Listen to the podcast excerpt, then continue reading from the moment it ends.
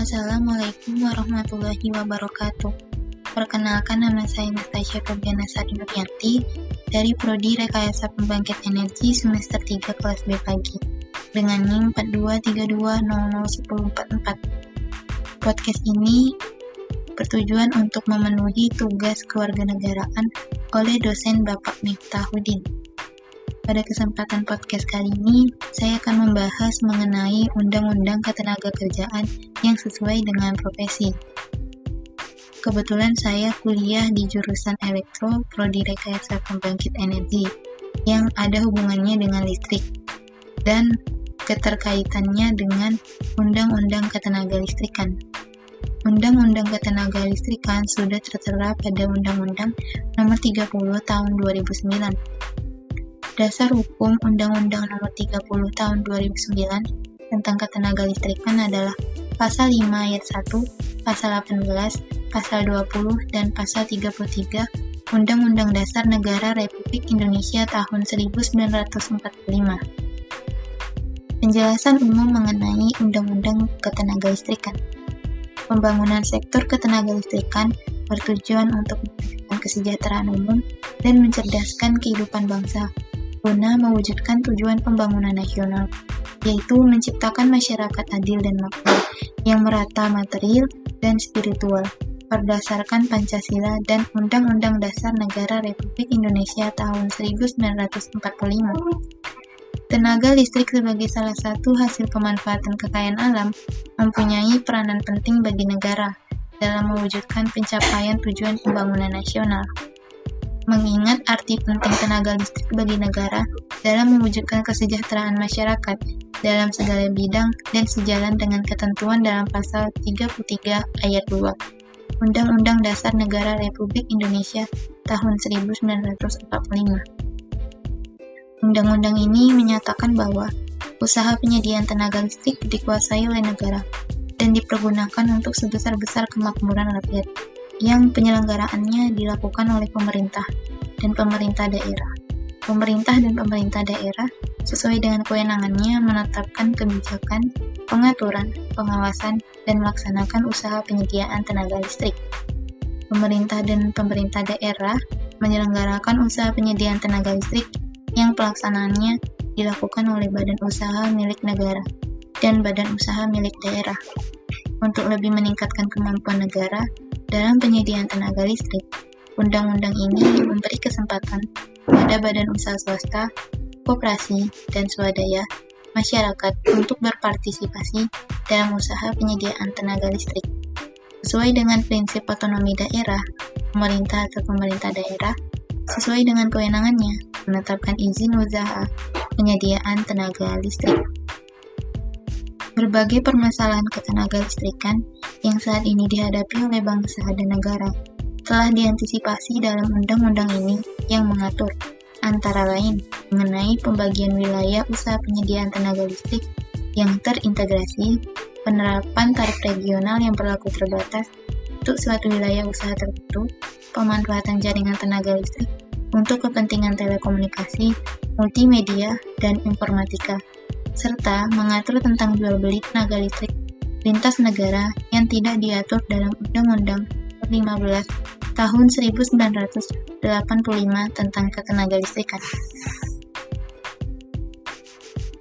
Dalam rangka peningkatan penyediaan tenaga listrik kepada masyarakat, diperlukan pula upaya penegakan hukum di bidang ketenaga listrikan. Pemerintah dan pemerintah daerah mempunyai kewenangan untuk melakukan pembinaan dan pengawasan pelaksanaan usaha ketenaga listrikan termasuk pelaksanaan pengawasan di bidang keteknikan. Selain bermanfaat, tenaga listrik juga dapat membahayakan.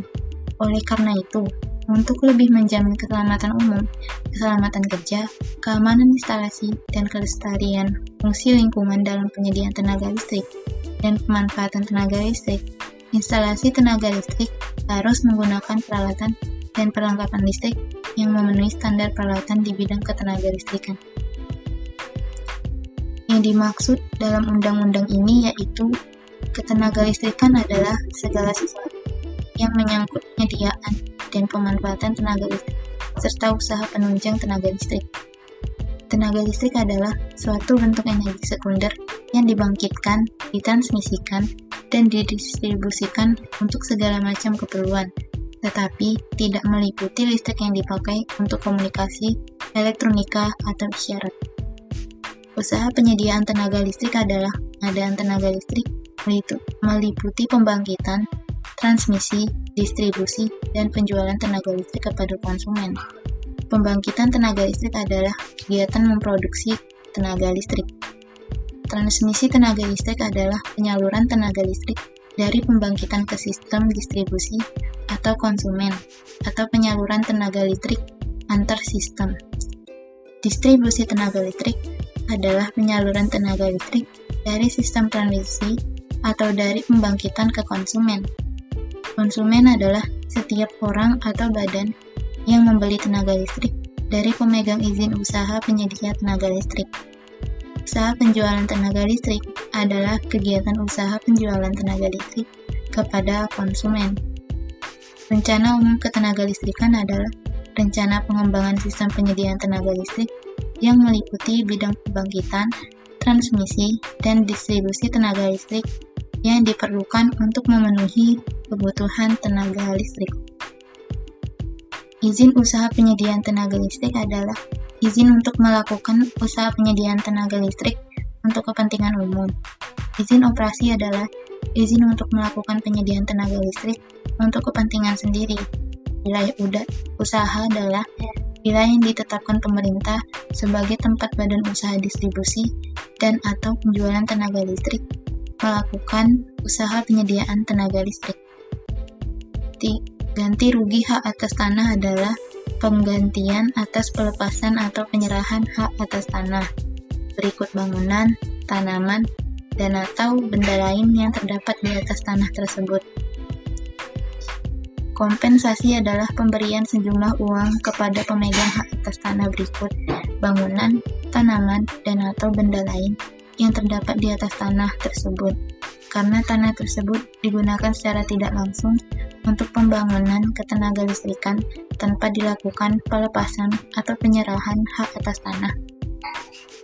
Pemerintah pusat yang selanjutnya disebut pemerintah adalah Presiden Republik Indonesia yang memegang kekuasaan pemerintah negara Republik Indonesia sebagaimana dimaksud dalam Undang-Undang Dasar Negara Republik Indonesia tahun 1945. Pemerintah daerah adalah gubernur, bupati, atau wali kota, dan perangkat daerah sebagai unsur penyelenggara pemerintah daerah. Menteri adalah menteri yang membidangi urusan ketenaga listrikan. Tiap orang adalah orang perorangan atau badan baik yang berbadan hukum maupun yang bukan berbadan hukum. Asas dan tujuan dari Undang-Undang Ketenaga Listrikan sesuai pada Undang-Undang Nomor 30 Tahun 2009. Yang pertama, pembangunan ketenaga listrikan menganut asas manfaat, efisiensi berkeadilan, berkelanjutan, optimalisasi ekonomi dalam pemanfaatan sumber daya energi, mengandalkan pada kemampuan sendiri, kaidah usaha yang sehat, keamanan dan keselamatan, kelestarian fungsi lingkungan, dan otonomi daerah. Yang kedua, tujuan pembangunan ketenaga listrikan untuk menjamin ketersediaan listrik dalam jumlah yang cukup, kualitas yang baik, dan harga yang wajar dalam rangka meningkatkan kesejahteraan dan kemakmuran rakyat secara adil dan merata serta mewujudkan pembangunan yang berkelanjutan. Bahasan yang terakhir yaitu contoh kasus pelanggaran terhadap Undang-Undang Ketenaga Listrikan, yaitu contohnya pencurian listrik. Adapun sanksi yang dikenakan dalam pencurian listrik yaitu berdasarkan pasal 362 KUHP dan Undang-Undang Ketenaga Listrikan Nomor 30 Tahun 2009 Pasal 51 ayat 3 yang berbunyi setiap orang yang menggunakan tenaga listrik yang bukan haknya secara melawan hukum dipidana dengan pidana penjara paling lama 7 tahun dan denda paling banyak 2 juta 500 2 miliar 500 juta rupiah. Sekian uh, podcast kali ini. Apabila ada salah kata, mohon dimaafkan. Wabillahi taufiq wal hidayah. Wassalamualaikum warahmatullahi wabarakatuh.